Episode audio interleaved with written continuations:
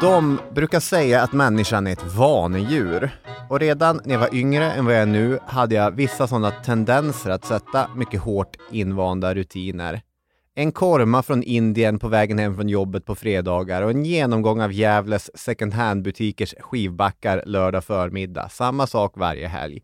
Men ju äldre jag blir, desto mer invanda blir också rutinerna. De tar sig nästan mer uttryck av ritualer.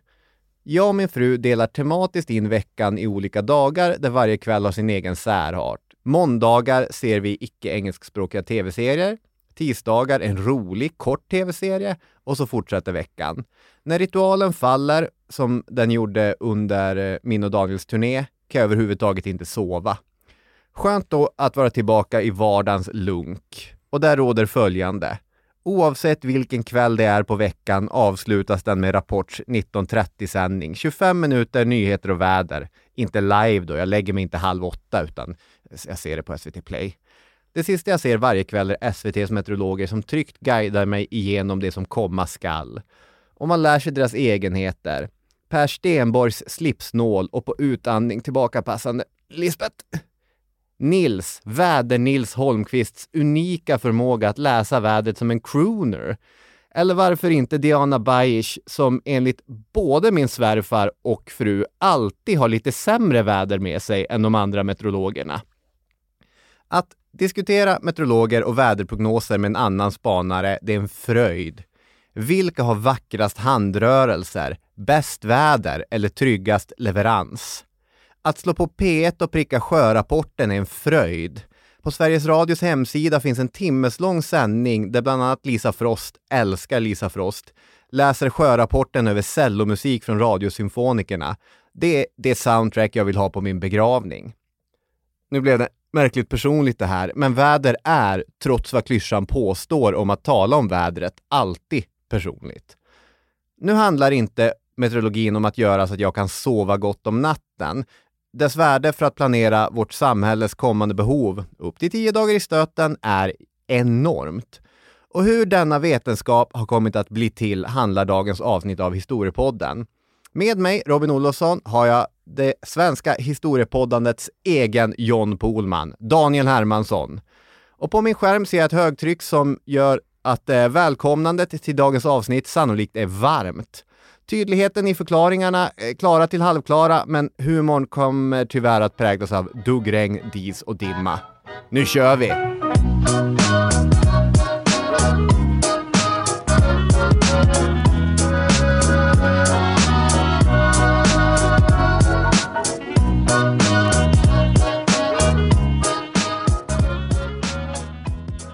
Jag höll på att säga varmt välkomna men det, ja, det är väl det ni ska vara här förstås ja. Ja. Det här ämnesvalet var väl bara en tidsfråga egentligen. ja, jag har haft det på kanske-listan länge. Mm, jag kan tänka mig det. Du har ju, eller Robin har ju en eh, djupt osund relation till väder och eh, till meteorologer. eh, Får man ju konstatera här. Och eh, ja men så är vi ju. Du, du vet ju vilka alla är och vad de heter, det har du gått igenom här nu. Och Ja. eh, vad de är bra på, olika bra på och, och olika roliga och så vidare. Mm.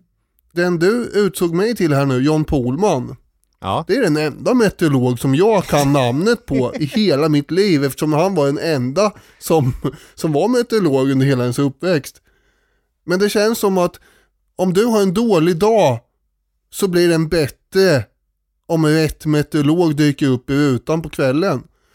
Och, och det är ju det är ju helt otroligt det här egentligen att man kan hänga upp. Och, och det, Lägsta nivån är hög. Det, det är sällan man tänker, åh nej, inte. Förutom Diana då, men hon är jättebra, men hon har alltid lite sämre väder med sig, påstår människor i min närhet. Ja, det här kan ju inte stämma vet du. ja, den knäppaste episoden är ju ändå det här med Väder-Nils som eh, visade sig lyssna på eh, podden. Mm.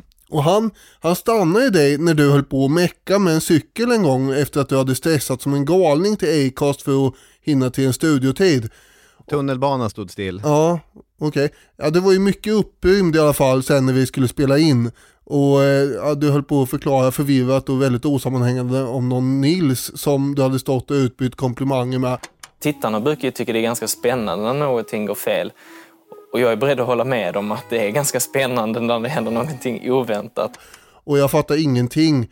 Väder-Nils! Förtydligade du som om det skulle vara det mest naturliga i världen att känna till vem den här karln var. Och själv tittar jag ju knappt på nyheter på SVT alltså. Och när jag gör det och det är vädret som kommer då zoomar jag nästan alltid ut. Det är ju bara midsommar och jul som jag är minsta intresserad av väder överhuvudtaget vad det ska bli. Mm. Och eh, det har aldrig hänt någonsin att jag har observerat vad någon meteorolog heter. Så vi är Mm. på helt olika nivåer här.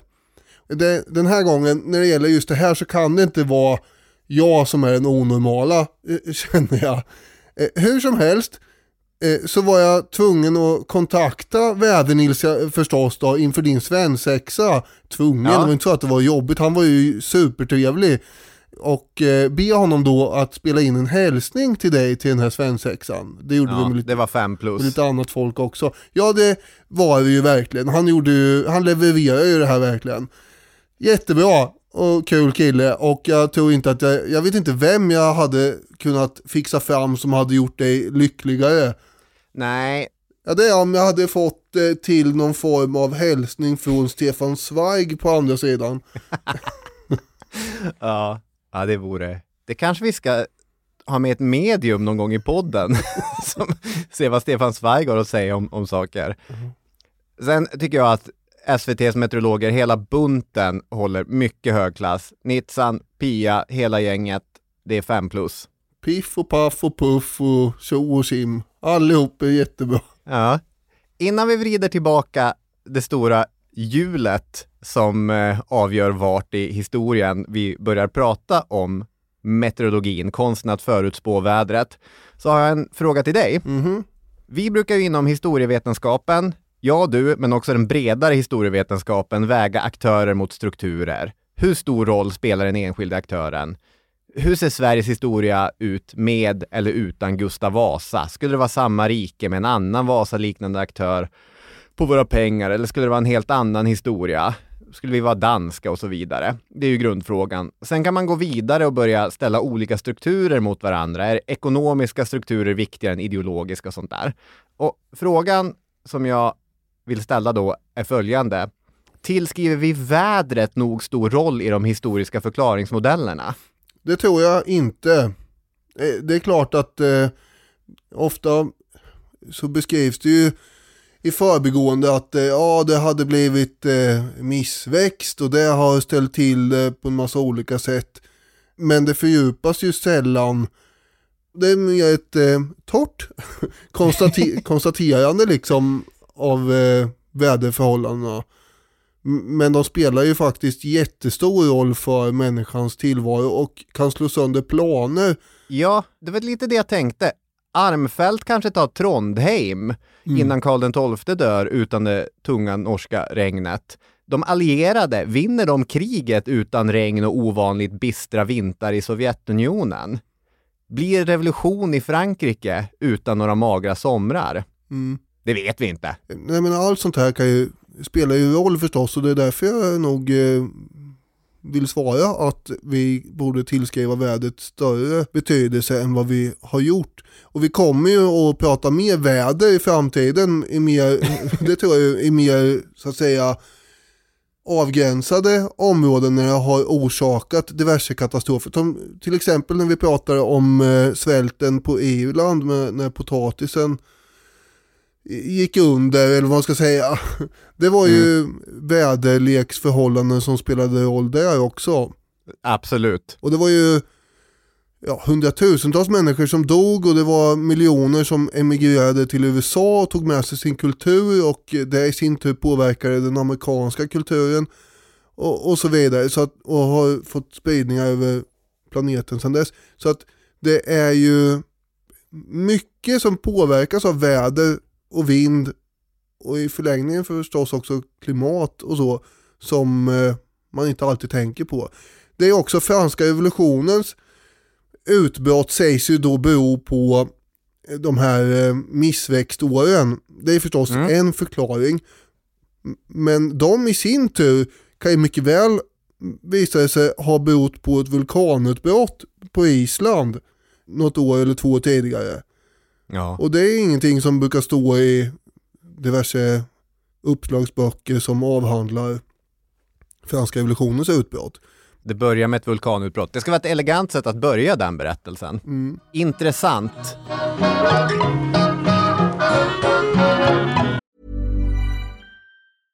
I'm Sandra, and I'm just the professional your small business was looking for. But you didn't hire me because you didn't use LinkedIn jobs. LinkedIn has professionals you can't find anywhere else, including those who aren't actively looking for a new job but might be open to the perfect role, like me. In a given month, over 70% of LinkedIn users don't visit other leading job sites. So if you're not looking on LinkedIn, you'll miss out on great candidates like Sandra. Start hiring professionals like a professional. Post your free job on linkedin.com/people today. In the market for investment worthy bags, watches, and fine jewelry, Rebag is the answer. Rebag is a luxury resale platform where each piece is carefully inspected by experts to ensure quality and authenticity. Use Rebag to buy and sell finds from the world's top brands, including Louis Vuitton, Chanel, and Cartier. Head to Rebag.com and get up to 15% off your first purchase as a member with code REBAGNEW. Shop today at Rebag.com. That's R E B A G.com. And use promo code REBAGNEW for up to 15% off your first purchase as a member. Ready to pop the question? The jewelers at BlueNile.com have got sparkle down to a science with beautiful lab grown diamonds worthy of your most brilliant moments. Their lab grown diamonds are independently graded and guaranteed identical to natural diamonds, and they're ready to ship to your door. Go to BlueNile.com and use promo code LISTEN to get $50 off your purchase of $500 or more. That's code LISTEN at BlueNile.com for $50 off. BlueNile.com code LISTEN.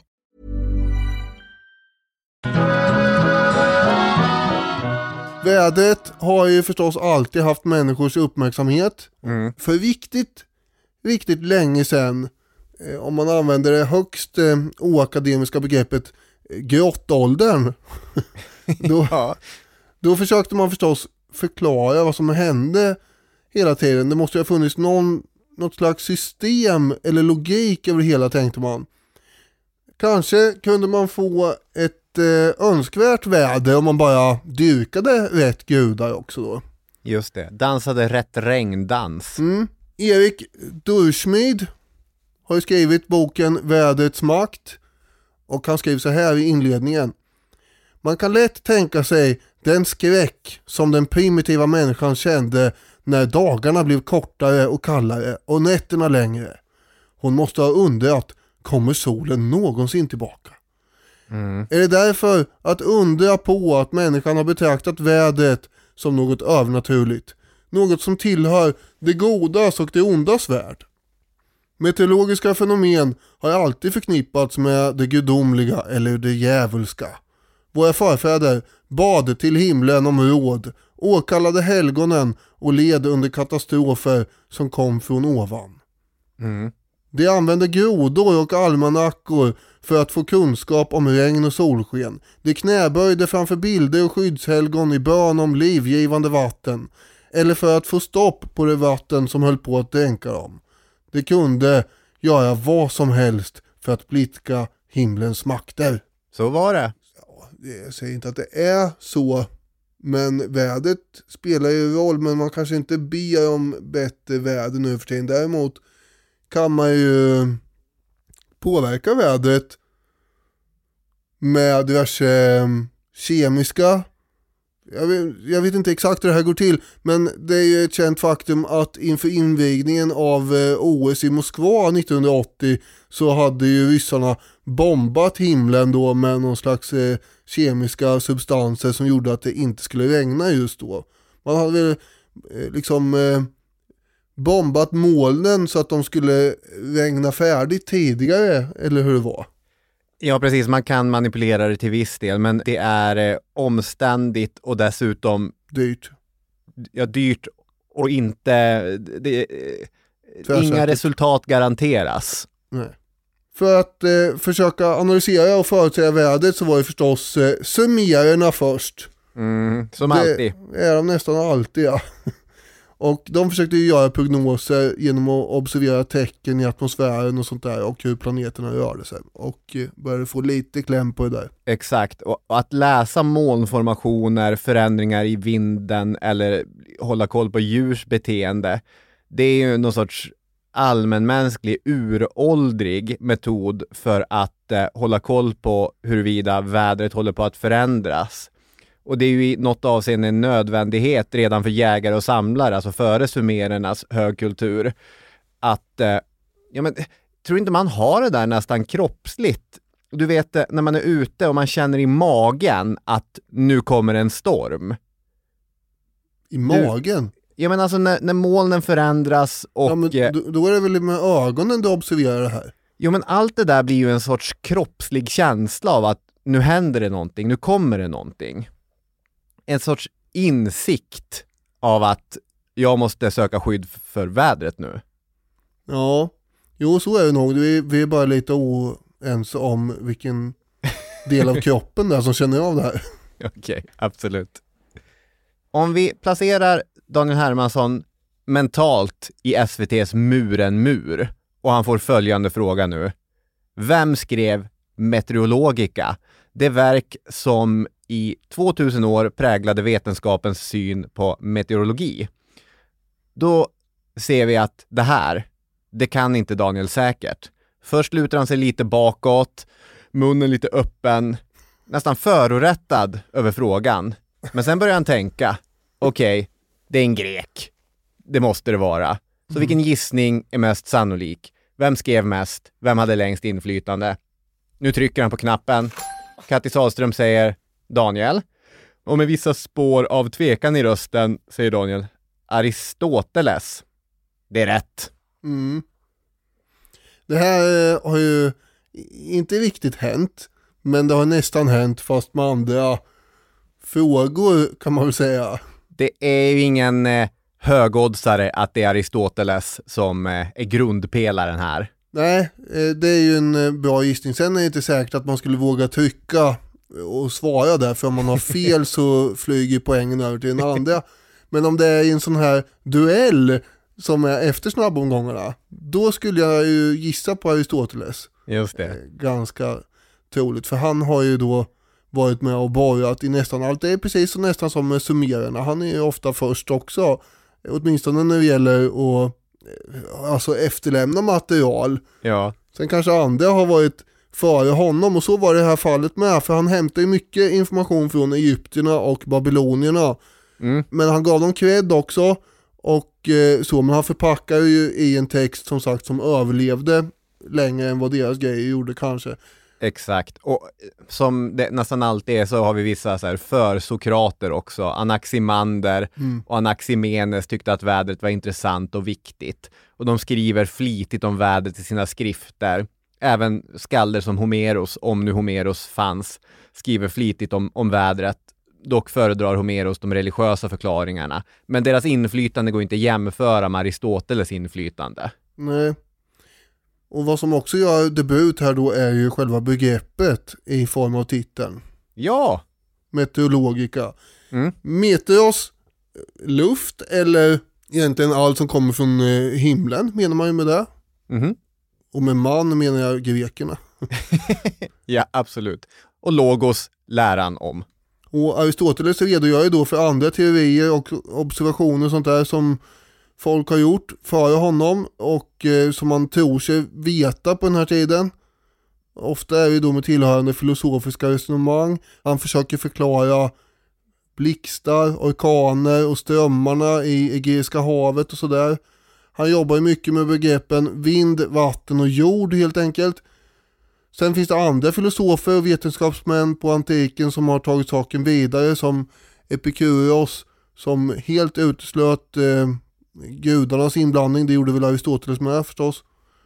Alltså det var rena naturfenomen det här menar man ju på då. Just det. Och en, en skicklig astronom kunde med hjälp av astronomiska betraktelser också utläsa mycket om vädret. Mm, Och det var det som skilde en vetenskapsman från en sjöman till exempel som genom erfarenhet, beprövad erfarenhet kunde säga att oj oj oj nu håller det på att blåsa upp till storm.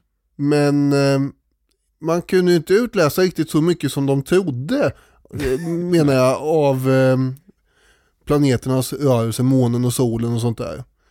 Ptolemaos till exempel som vi pratade om i avsnitt 469 om eh, när grekerna kartlade jorden. Han var ju framförallt kartograf och astronom. Men han menar ju att eh, för någon som kunde eh, säga hur planeterna rörde sig och hur solen rörde sig och månen kan det inte vara några som helst problem att eh, räkna ut hur vädret ska bli. Vad kan hindra honom, det här är ett citat, från att i varje givet ögonblick avgöra luftens karaktär och med hjälp av de rådande förhållandena slå fast exempelvis om vädret ska bli varmare eller våtare? Mm. Här hade Ptolemaos eh, också fel. för det är det att hans premiss är ju, den är ju i och för sig att den som vet hur solen och planeterna rör sig kan också förutse vädret. Problemet är att han vet ju inte, fast han tror sig veta, hur planeterna rör sig. Nej. Han menar att allting rör sig runt jorden. Ja. Och så är det ju inte. Och då kan Nej. man ju inte förutse vädret heller. Nej, Det kan man det. inte göra ändå i och för sig. Nej. Solens position på himlen påverkar ju såklart hur mycket solsken man får på en dag. Men det finns väldigt mycket annat som skapar väder. Ja, en annan av de absolut första meteorologerna var greken Aratos. Mm. Och han skrev om ett svart moln skymmer solens strålar och plötsligt mörker gör våld på dagens ljus. Bonde, gläd dig, för snart kommer ett uppfriskande regn. Och hade jag levt på den här tiden så hade jag också kunnat skriva det och gå till historien som en av de första meteorologerna faktiskt. Ja. Och till och med är- din mage hade kunnat, eh, en av de första meteorologerna i historien var Robin Olofssons mage hade man kunnat skriva. Ja. Ja, det är en, det är en försiktig betraktelse. Ja. ja. Det här bygger mycket på erfarenhet också får man väl säga. Ja. Annars var det väl så att de som eh, inte hela tiden gick runt och var filosofer, de tänkte väl i allmänhet att det var Zeus som låg bakom det här med åskan och sånt. Han var ju åskguden och lite senare då, i Norden så gav man ju den här rollen till Tor då och hans hammare. Så är det.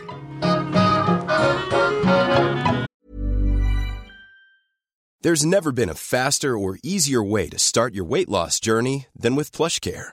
PlushCare accepts most insurance plans and gives you online access to board-certified physicians who can prescribe FDA-approved weight loss medications like Wigovi and Zepbound for those who qualify. Take charge of your health and speak with a board-certified physician about a weight loss plan that's right for you. Get started today at plushcare.com slash weight loss. That's plushcare.com slash weight loss. plushcare.com slash weight loss. Everyone knows therapy is great for solving problems, but getting therapy has its own problems too, like finding the right therapist, fitting into their schedule, and of course, the cost. Well, BetterHelp can solve those problems. It's totally online and built around your schedule. It's surprisingly affordable too. Connect with a credentialed therapist by phone, video, or online chat, all from the comfort of your home. Visit betterhelp.com to learn more and save 10% on your first month. That's BetterHelp, H E L P. I'm Sandra, and I'm just the professional your small business was looking for. But you didn't hire me because you didn't use LinkedIn jobs. LinkedIn has professionals you can't find anywhere else, including those who aren't actively looking for a new job but might be open to the perfect role, like me. In a given month, over 70% of LinkedIn users don't visit other leading job sites. So if you're not looking on LinkedIn, you'll miss out on great candidates like Sandra. Start hiring professionals like a professional. Post your free job on linkedin.com/people today.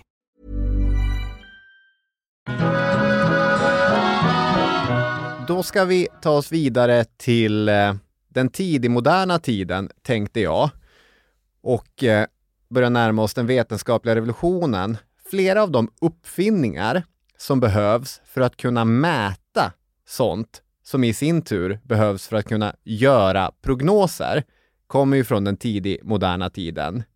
Nikolaus Cusanus uppfann på 1400-talet en luftfuktighetsmätare som då fungerade via en ulltråd som påverkades av luftfuktighet. Cusanus känner jag annars endast till eftersom den svenska filosofen Jonna Bornemark använder Cusanus idéer om kunnande för att kritisera svensk vård och skolas besatthet av det mätbara.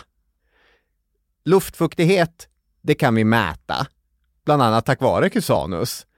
Men flera av den målstyrda skolans mål går inte att mäta.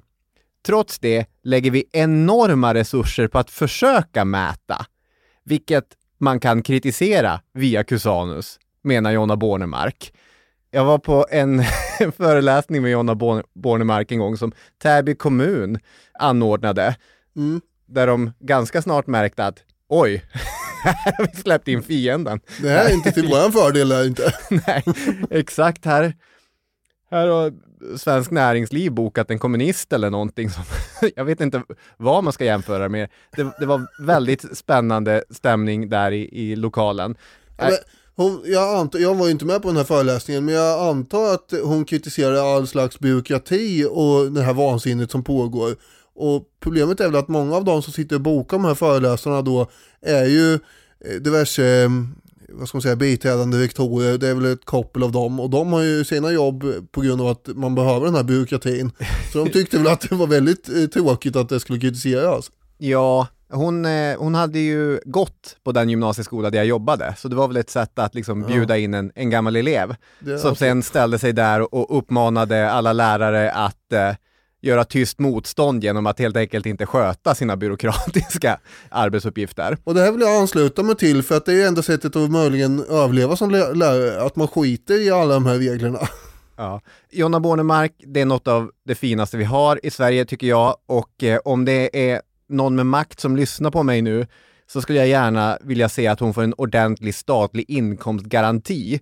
För vi är ett rikare land varje dag som Jonna Bornemark finns och tycker saker i det, tycker jag. 1643 byggdes den första barometern av Torricelli. Det var Galileos insikter som möjliggjorde konstruktionen av den här barometern.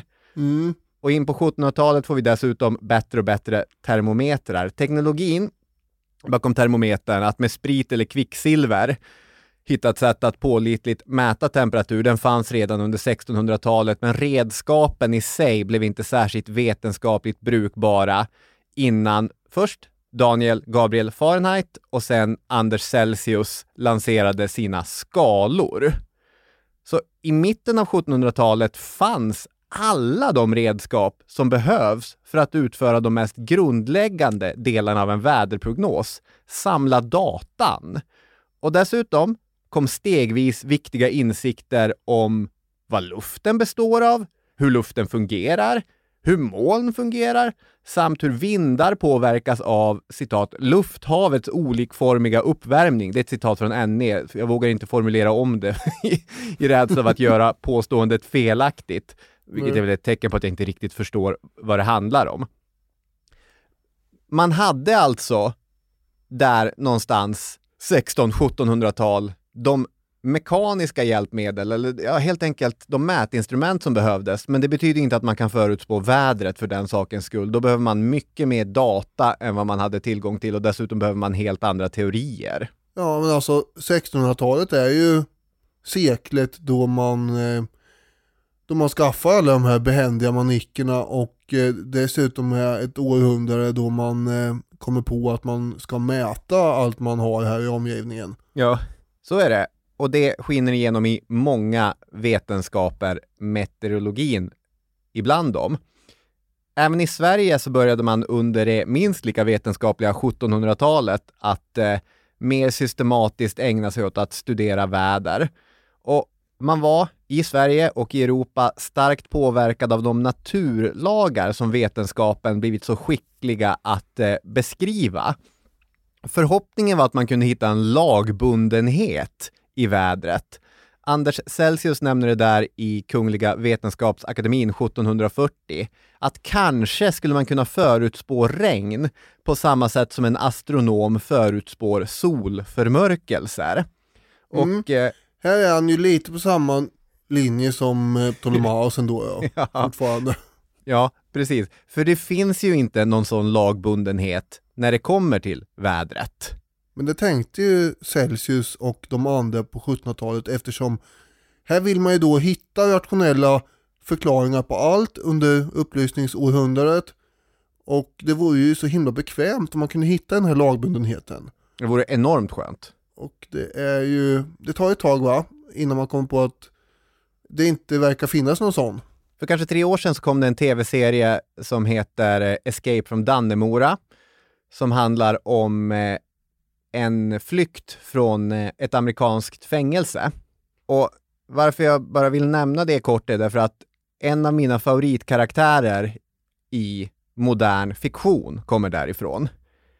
Det är eh, mannen till eh, den kvinnliga vakt som hjälper fångarna att fly. Och han heter Lyle och är en, en mycket enkel människa. Så vid ett tillfälle så är de ute på en, en dubbeldejt, han, hans hustru och eh, några kollegor till henne. Och eh, då får eh, Lyle frågan, vad har du för intressen?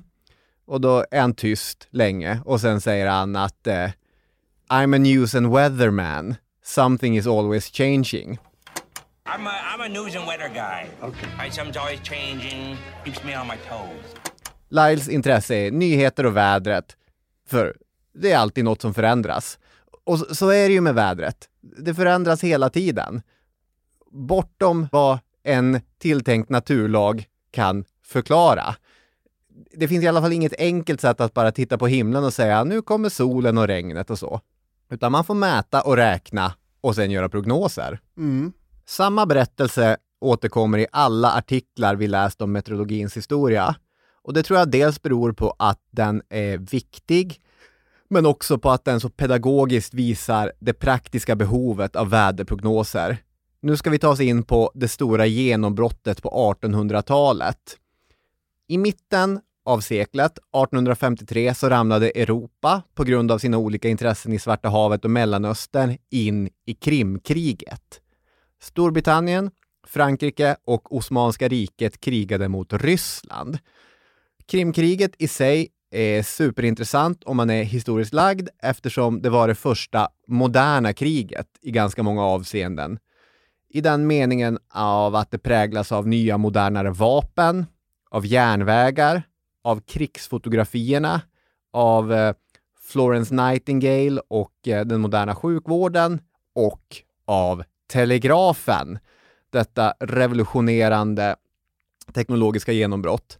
1854 skadades allvarligt en fransk-brittisk flotta som guppade där i Svarta havet när den hamnade i klorna på ett riktigt kraftigt stormoväder. Mm. Och det här är en berättelse man känner igen från historien. Det är när det ska komma persiska skepp för att krossa uppstudsiga greker, då fastnar de i en storm och massa skepp sjunker. Ja, eller eh, romerska och kartagiska skepp som eh, fullständigt krossas under första punska kriget. Just det. Gång efter annan under historien har man förlorat massor med skepp i fruktansvärda stormar. Och det har ju varit ett ofrånkomligt faktum, så är det. Så är sjökrigsföring. Ibland blåser det och då kan det gå riktigt illa. Men måste det vara så? För i fallet 1854 så kunde man rätt tydligt i efterhand se att Stormen den hade ju rört sig från Västeuropa ner mot Svarta havet. Och inte nog med att man hade kunskapen som krävdes för att se det här, utan man hade ju också telegrafin. Det gick ju ledningar. Man hade kunnat berätta att hörni, nu kommer stormen, ner med segel. Lätta ankar, eller skicka ner ankaret, vad man nu behöver göra med ankaret. Man behöver skicka ner ankaret i en hamn, fattar du väl? Vad man nu behöver göra. Ja, för visst är det så att telegrafen skickar iväg signaler snabbare än vad vädret går. Ja, det är, det är korrekt uppfattat. Ja, och det är ju det som är hela grejen, för då kan man alltså varna för att hörni, där borta, nu kommer det här. Exakt. Sen vet man ju inte exakt hur vindarna går och sådär, men man kan väl ungefär räkna ut att är den här nu så borde den vara där ungefär där sen. Ja. I det här fallet så hade man kunnat rädda ganska många skepp genom att eh, skicka en varning.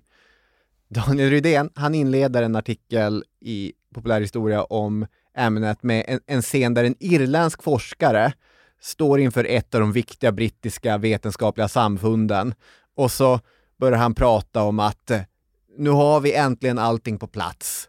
John Ball heter han. Just det. Och framförallt telegrafen, för den förändrar allt för oss. Störningar i atmosfären, där är ett citat, alltså det vi kallar väder, tycks inte röra sig fortare än ungefär 20 miles i timmen, säger han. Som ett nät av telegrafstationer som har en räckvidd på 500 miles i alla riktningar skulle vi kunna räkna ut kommande väder på en given plats 24 timmar i förväg. Och det är ju helt riktigt. Och det märker man ju. För nu samtidigt, egentligen överallt, börjar också den här uh, nya teknologins möjligheter realiseras. I Frankrike byggdes observationsplatser upp med telegrafanslutning som varje dag skulle rapportera in data till Paris. 1858 gjorde man samma sak i Sverige. Från Haparanda och Härnösand och Stockholm samlade man in väderdata som i sin tur rapporterades till Paris. Axel Johan Erdman, eh, medlem av Kungliga Vetenskapsakademien, tog i mitten av 1800-talet initiativ att installera mätutrustning på 13 olika fyrar. Också bra grejer det. Bra data. Mer sånt. Så man samlar in massa data och så kan man börja göra prognoser. Den som kanske är först ut är amerikanen Joseph Henry vid Smithsonian Institute i Washington.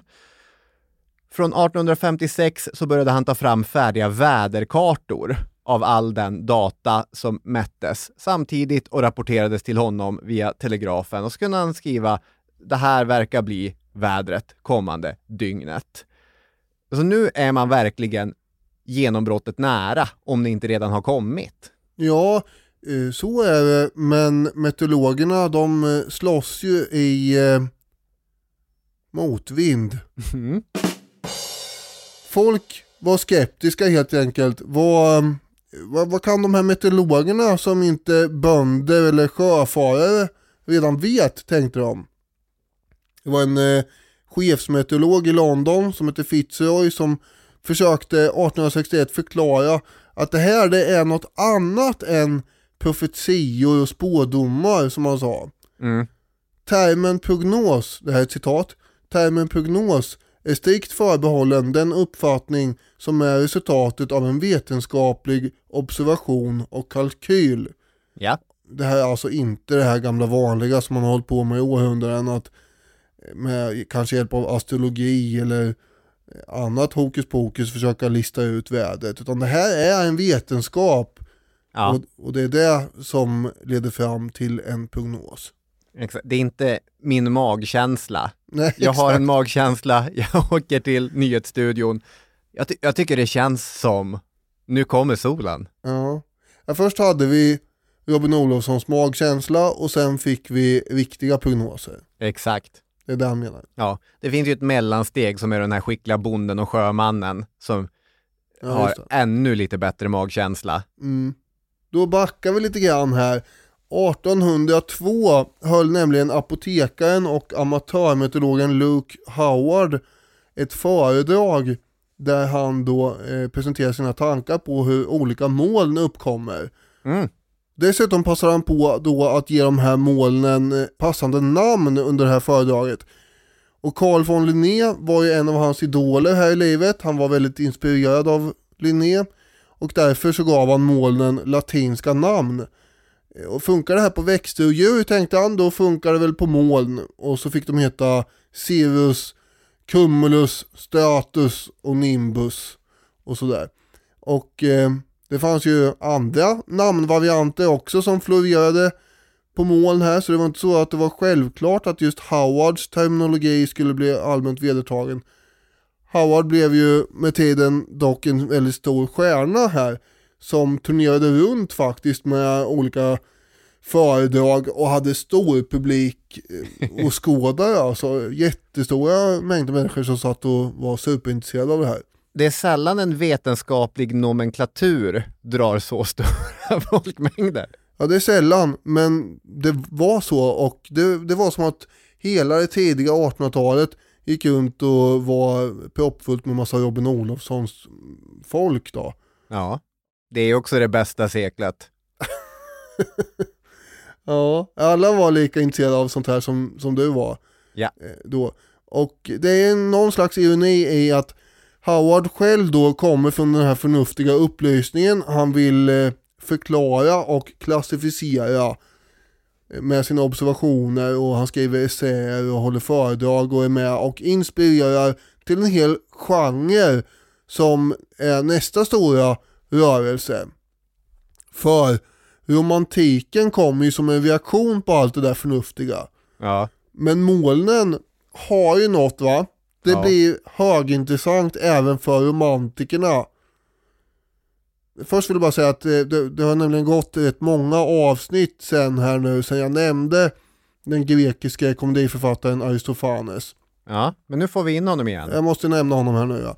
För han eh, har i det här sammanhanget, han har ju då skrivit pjäsen Molnen redan år 423 f.Kr. Där Ja. han då håller på och förlöjligar Sokrates och sådär. Och det gör han så till den grad att eh, han eh, senare påstod att det var pjäsen Molnen som gjorde att atenarna vände sig mot honom. Så det var Aristofanes fel då, enligt Sokrates, att han blev, eh, ja att han sen fick eh, ta livet av sig. Ja. Men det passar den romantiska människan att eh, ligga på rygg i gräset, suga på ett grässtrå och titta upp i, i molnen, se former eller ännu hellre stå och blicka ut över dramatiska mörka molnformationer när det håller på att blåsa upp till storm. Ja, precis. Nu var det här en bra stund före romantiken. Som Aristofanes var verksam ja. Ja, precis. Det hade alltså förekommit inom kulturen för det här med moln va. Ja, Men det är ju under romantiken som den verkliga högkonjunkturen för moln kommer att stå. Och eh, det här tar då Johan Lundberg upp i en gammal understreckare i eh, SvD. En romantiker som kan nämnas här är ju en kompis till dig. Förstås då, Percy Shelley. Han skrev, Ja. di- han skrev dikten The Cloud som eh, publicerades eh, 1820. Där han då filosoferar över människans förgänglighet med hjälp av moln. Han skriver Vi är som moln som slöjar nattens månsken. Hur rastlöst de far fram och tindrar, skälver. Tecknar strimmors ljus i mörkret. Som dock natten sluter sig och de dör för evigt bort. Precis som människan alltså mm. Le- livet är förgängligt, kommer och går och upplöses i intet. Allt som lever är förgängligt, om något kunde vara evigt. Hur man än beter sig är det kört. Ja, det här är ju någon mer modern popmänniska som har, är den här Alkberg nu. Ja, det är Alkbergs nu. Ja, det har jag lärt mig av dig.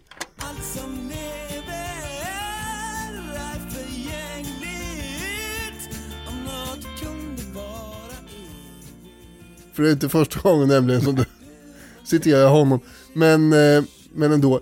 I, I Sverige så har vi då Erik Johan Stagnelius på samma tema som eh, Shelley. Och även Stagnelius dikt heter Molnet. Handlar också om alltings förgänglighet. Och han beskriver även molnens förändlighet vilket påminner lite grann om Howards klassificering av de här olika molnen då.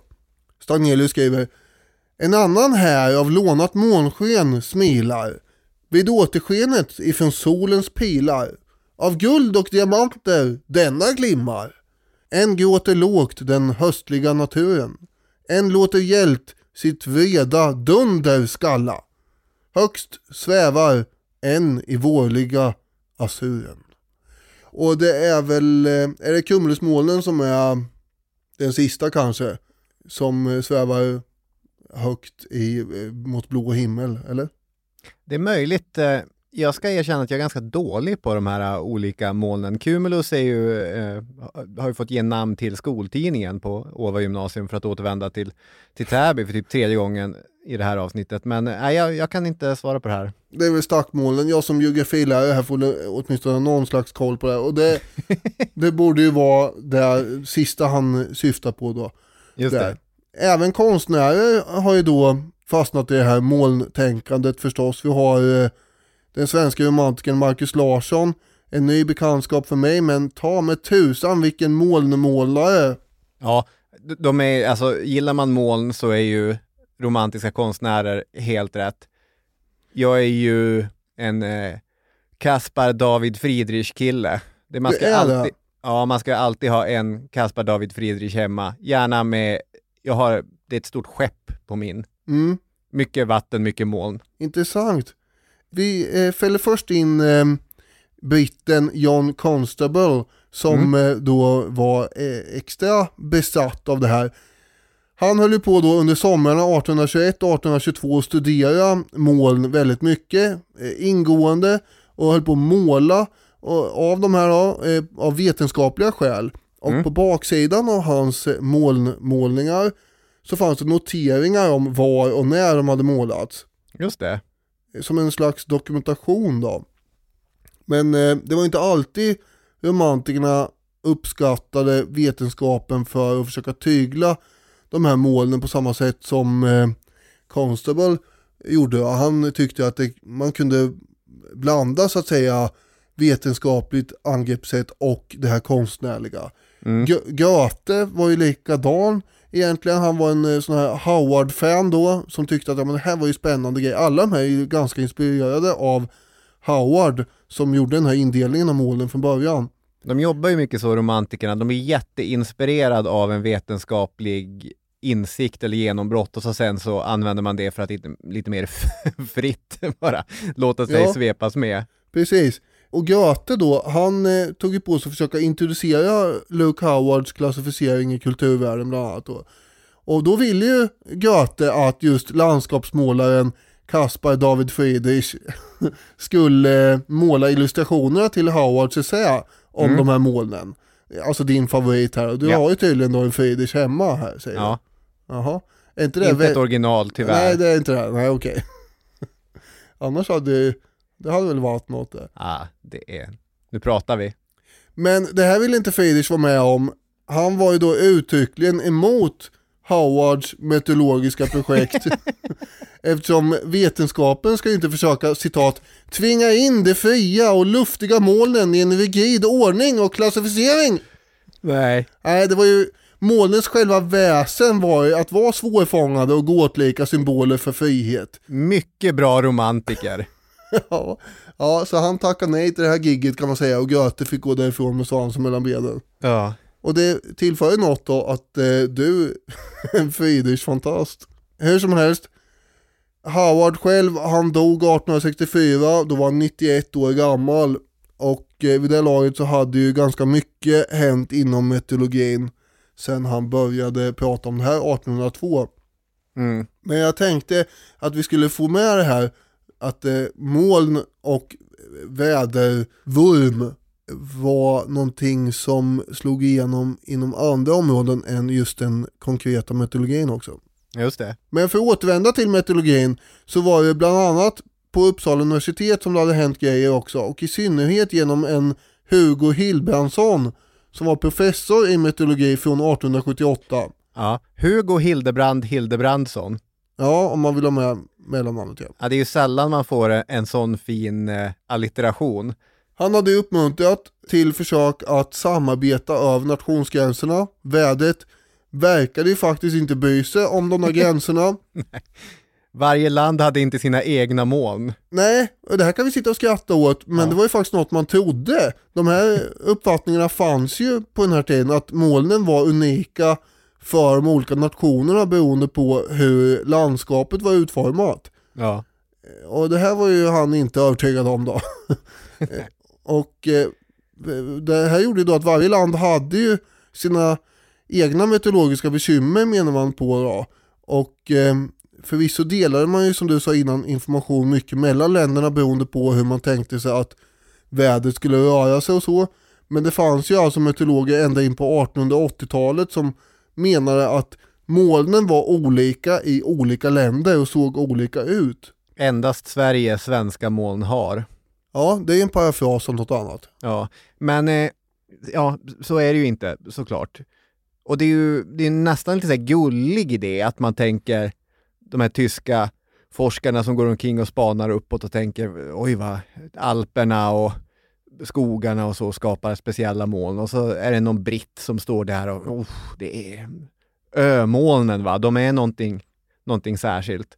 Det är intressant med mycket vetenskap, men det här är ett extra bra exempel på det, att eh, det är arbete som kräver internationellt tänkande och internationellt samarbete i en tid som är nationalitetens verkliga tidevarv. Mm. Och man måste gå emot eh, den allmänna strömningen i många avseenden.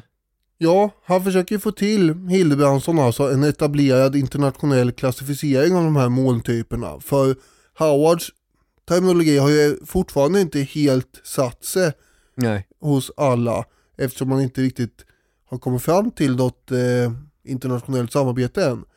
Men eh, Hildebrandsson försöker få till sådana här internationella meteorologkonferenser, kongresser eller vad vi ska kalla det. 1873 så grundas ju i Sverige Statens meteorologiska centralanstalt i alla fall. Och samma år, 1873, så tillsätts också en internationell kommitté i Wien. Och det här är ju Hildebrandsson mycket nöjd över, för han har ju jobbat för det här. Och med någon form av eh, linneansk eh, entusiasm så tar han på sig att leda projektet att fotografera moln runt om i världen. Mm. Det här gör han inte helt själv utan precis som Linné så har han hjälp då och eh, till exempel då av en brittisk meteorolog som heter Ralph Abercrombie.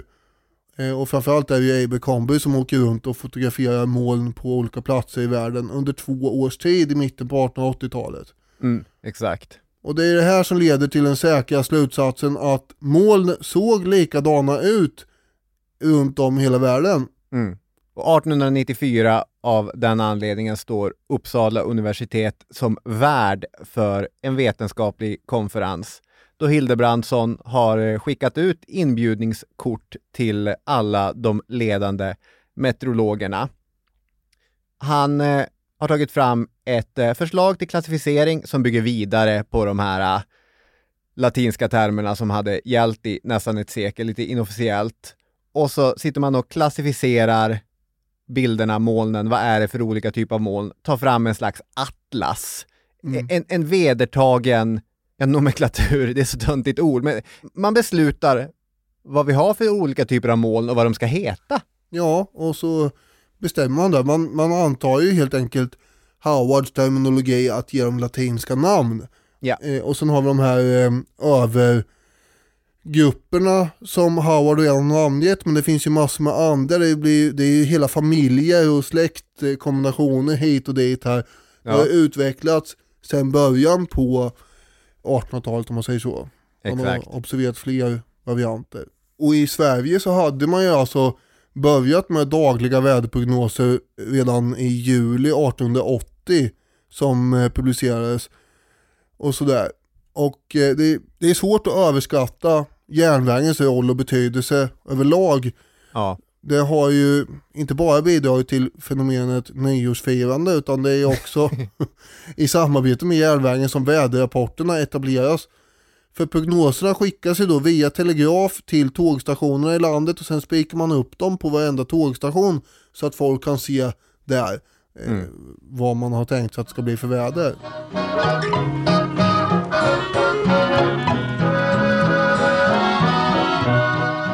Underbart med namnen på moln.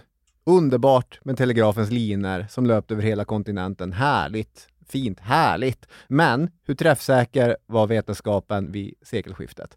Inte särskilt.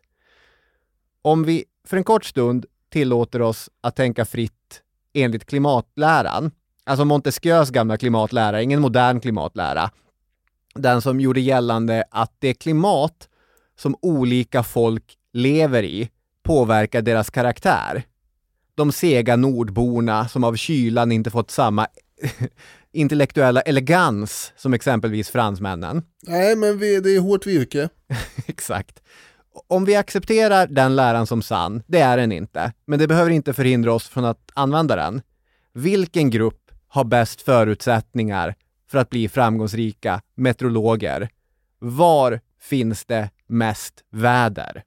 Jag höll på att säga britterna men, Ja.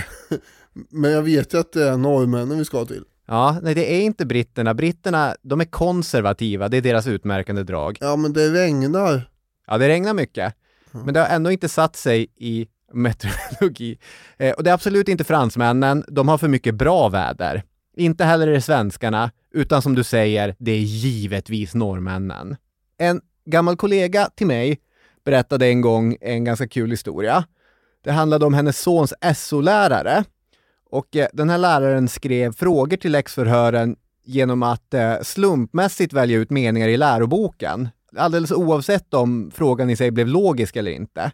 Så en gång när hon skulle sätta sig ner för att hjälpa sitt barn med läxan så tog hon upp eh, hans anteckningar och så hörde hon sig själv läsa frågan Vad har inte Norge? Vilken jävla fråga det är ändå. Ja, vad har de inte egentligen? Ja, den öppnar ju för skämtande, det gör den. Man kan säga mycket roliga Ja. saker. Men rätt svar på den frågan var regnfria dagar. Just det. Ja, hela tiden regn någonstans i Norge regnar det. Och den här berättelsen avsedd att få en att fundera över vilka människor som egentligen jobbar i svensk skola lära oss i själva verket någonting viktigt visar det sig, nämligen varför Norge under det tidiga 1900-talet revolutionerade meteorologin. De har inga regnfria dagar. Kanske. Jag har inte kollat det här om Norge verkligen inte har en enda regnfri dag på ett år. Men det regnar ju mycket, det gör det. Det här beror på bergen och att luftmassor stiger när de träffar på bergen. Just det. Mm.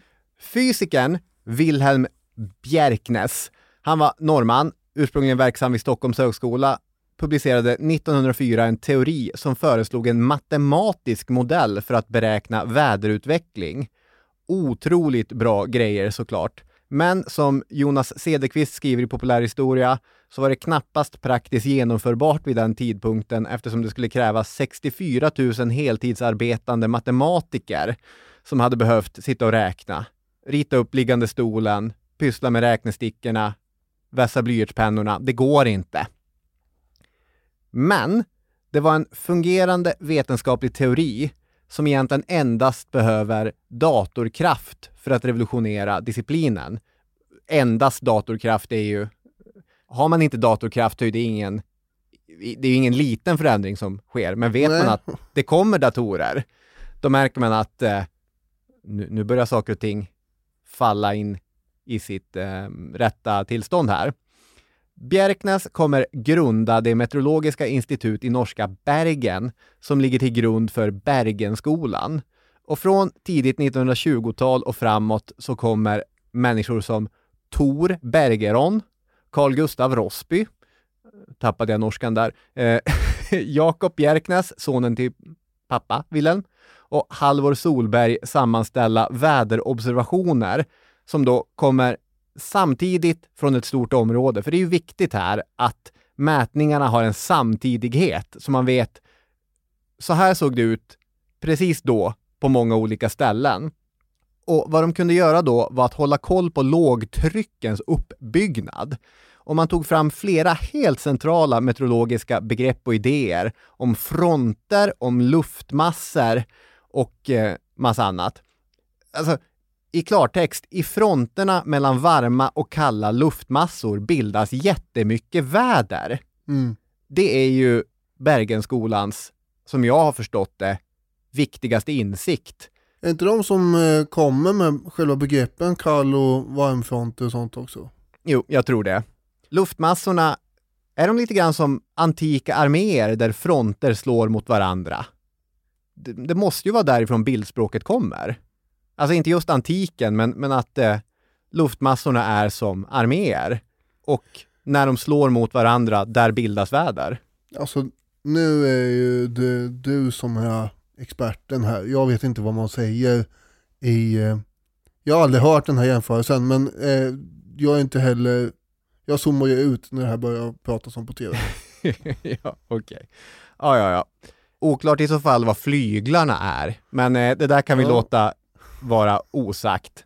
Meteorologin, det blir den moderna vetenskap som vi känner igen från mitten av 1900-talet. Och då handlar det om datorer som kan använda bland andra norrmännens teorier. Dessutom får vi vädersatelliter. Tiros 1 skjuts upp 1960. Då är vi bara 12 år från att John Pohlman för första gången ställer sig i rutan och börjar rita upp högtryck över Kvarken. Mm. Hey, Ja, nu ska vi ta en titt på vädret här de närmaste dagarna. Det har ju hänt en hel del sedan förra lördagen. Det har kommit snö i Sydsverige. Och det var väl rätt så många av er som blev glada för det. När vi ändå pratar om eh, väder och vind här just nu i allmänhet så måste man väl säga att eh, de eh, mest indianionslika meteorologerna det var ju orkanjägarna som liksom satte sitt flygplan från juli 1943 då man gjorde det första gången, amerikaner var det här, Ja. åker rakt in i en orkan och hamnar då i eh, ögat där det är helt lugnt och runt omkring så bara far helvetet runt. Eh, och sen där inne då så kan man mäta lufttryck och man kan också sända rapporter inifrån och ut för att liksom visa vart är den här orkanen på väg. Och det här höll man på med ända fram till eh, 1960-talet då man eh, fick annan teknik som gjorde att eh, man inte behövde riskera liv och lem på det här sättet. För det hände ju olyckor då och då faktiskt, Ja. även om det inte hände så ofta som man skulle kunna tro. Men eh, det var någon som åkte in och när han väl tog sig in i eh, stormens öga där så tänkte han att då blir det skönt när jag kommer in där, då är det lugnt. Ja, då var det ju hur många fåglar som helst som hade liksom samlats i ögat också. För det var ju lugnt och de höll på att flockas runt där och det var ju inte bra för motorer och rutor och annat. Så att det blev ju, eh, det var ju rena turen att man klarade sig den gången. Ja men det här är väl ändå eh, häftiga grejer som de höll på med får man ju säga. Ja, verkligen. Vi pratade innan vi satte igång eh, mikrofonerna om eh, vilket stort fan jag var av eh, filmen Twister. jag Ja. var ju unga tonåren, såg den gång efter annan om eh, Tornadojägarna. Och där hade de ju massa sådana här små bollar som skulle leverera data Just det. som eh, skulle sugas upp. Den där bilden kan jag få framför mig. Det, det är Philip Seymour Hoffmans karaktär som vägrar lämna en jättestor farlig tornado för han måste få upp de här små bollarna i den. Mm. Det- Ja, men då, då är man hängiven jobbet. Going green. Greenwich. Saddle up. You got it, boss. Så är det. Nu är det här fiktiva eh, forskare, ska man komma ihåg, men det är den mest Indiana Jones-liknande meteorolog som jag kan tänka mig. Mm. Numera så har vi ju då eh, genomgått en häftig datorisering förstås inom det här området. Det finns Mm. massor med väderstationer, satelliter som du nämnde, ballonger som mäter på alla möjliga och omöjliga platser och eh, det är hur mycket data som helst helt enkelt på både marken och genom alla olika skikt i atmosfären. Det är väldigt eh, tredimensionellt det här. Ja, så är det. Och insikten om de olika skikten som finns ovanför oss var ju också en, en, en central del i meteorologins historia. Vi har inte bara, nämnt allting såklart. Nej, bara det här med jetströmmarna när man kom på att det fanns sådana liksom. Då är man långt ifrån Ptolemaios idéer om Ja, hur lätt man skulle kunna göra det här, bara se vart stjärnorna och månen står och sen bara slå fast lite sanningar. I Cederqvists artikel från 2007 så uttalar sig Erland Kjellén, professor, numera emeritus vid Meteorologiska institutionen på Stockholms universitet.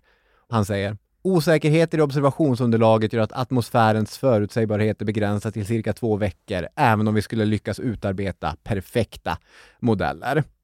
mm. Och men sammanfattningen som Cederqvist gör där är att eh, 2007 så var prognoser användbara cirka sju dagar framåt.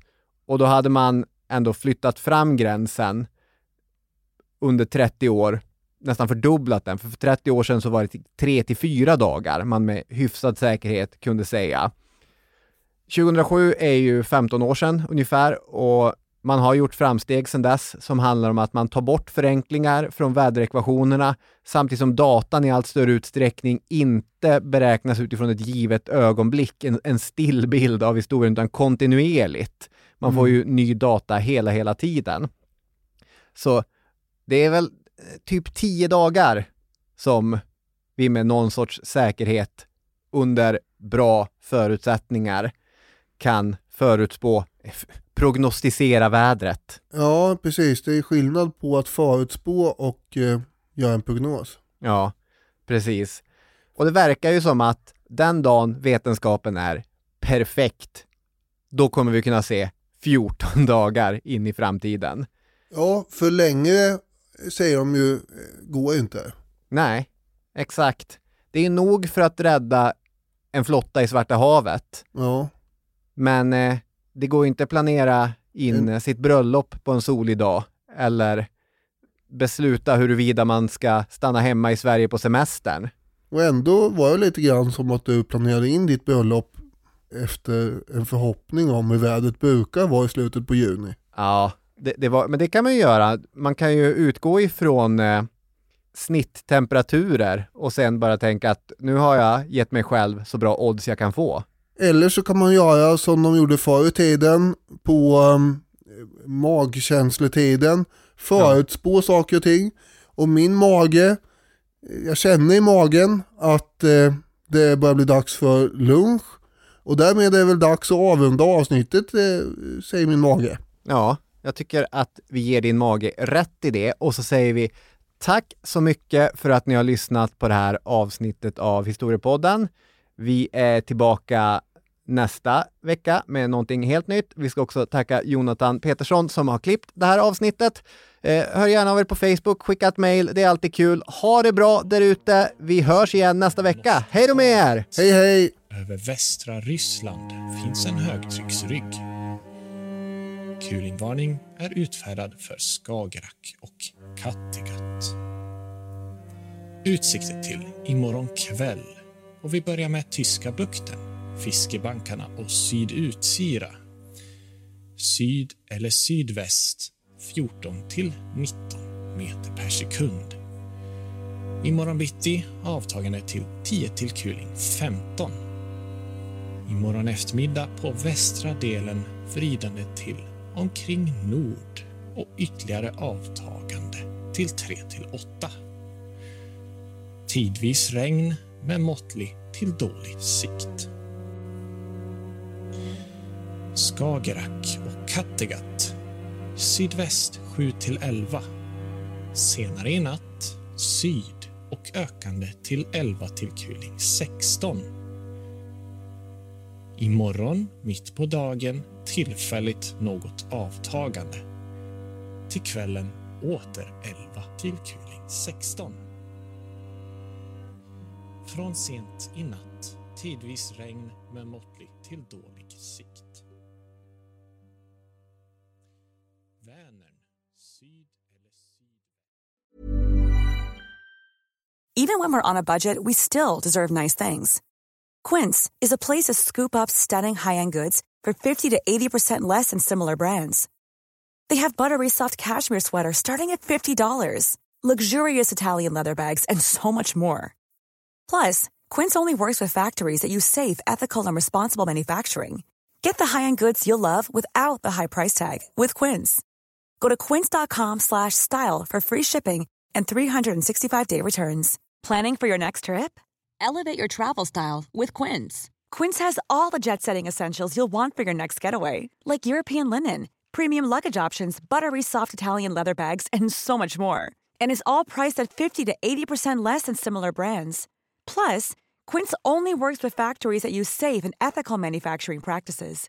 Pack your bags with high-quality essentials you'll be wearing for vacations to come with Quince. Go to quince.com slash pack for free shipping and 365-day returns.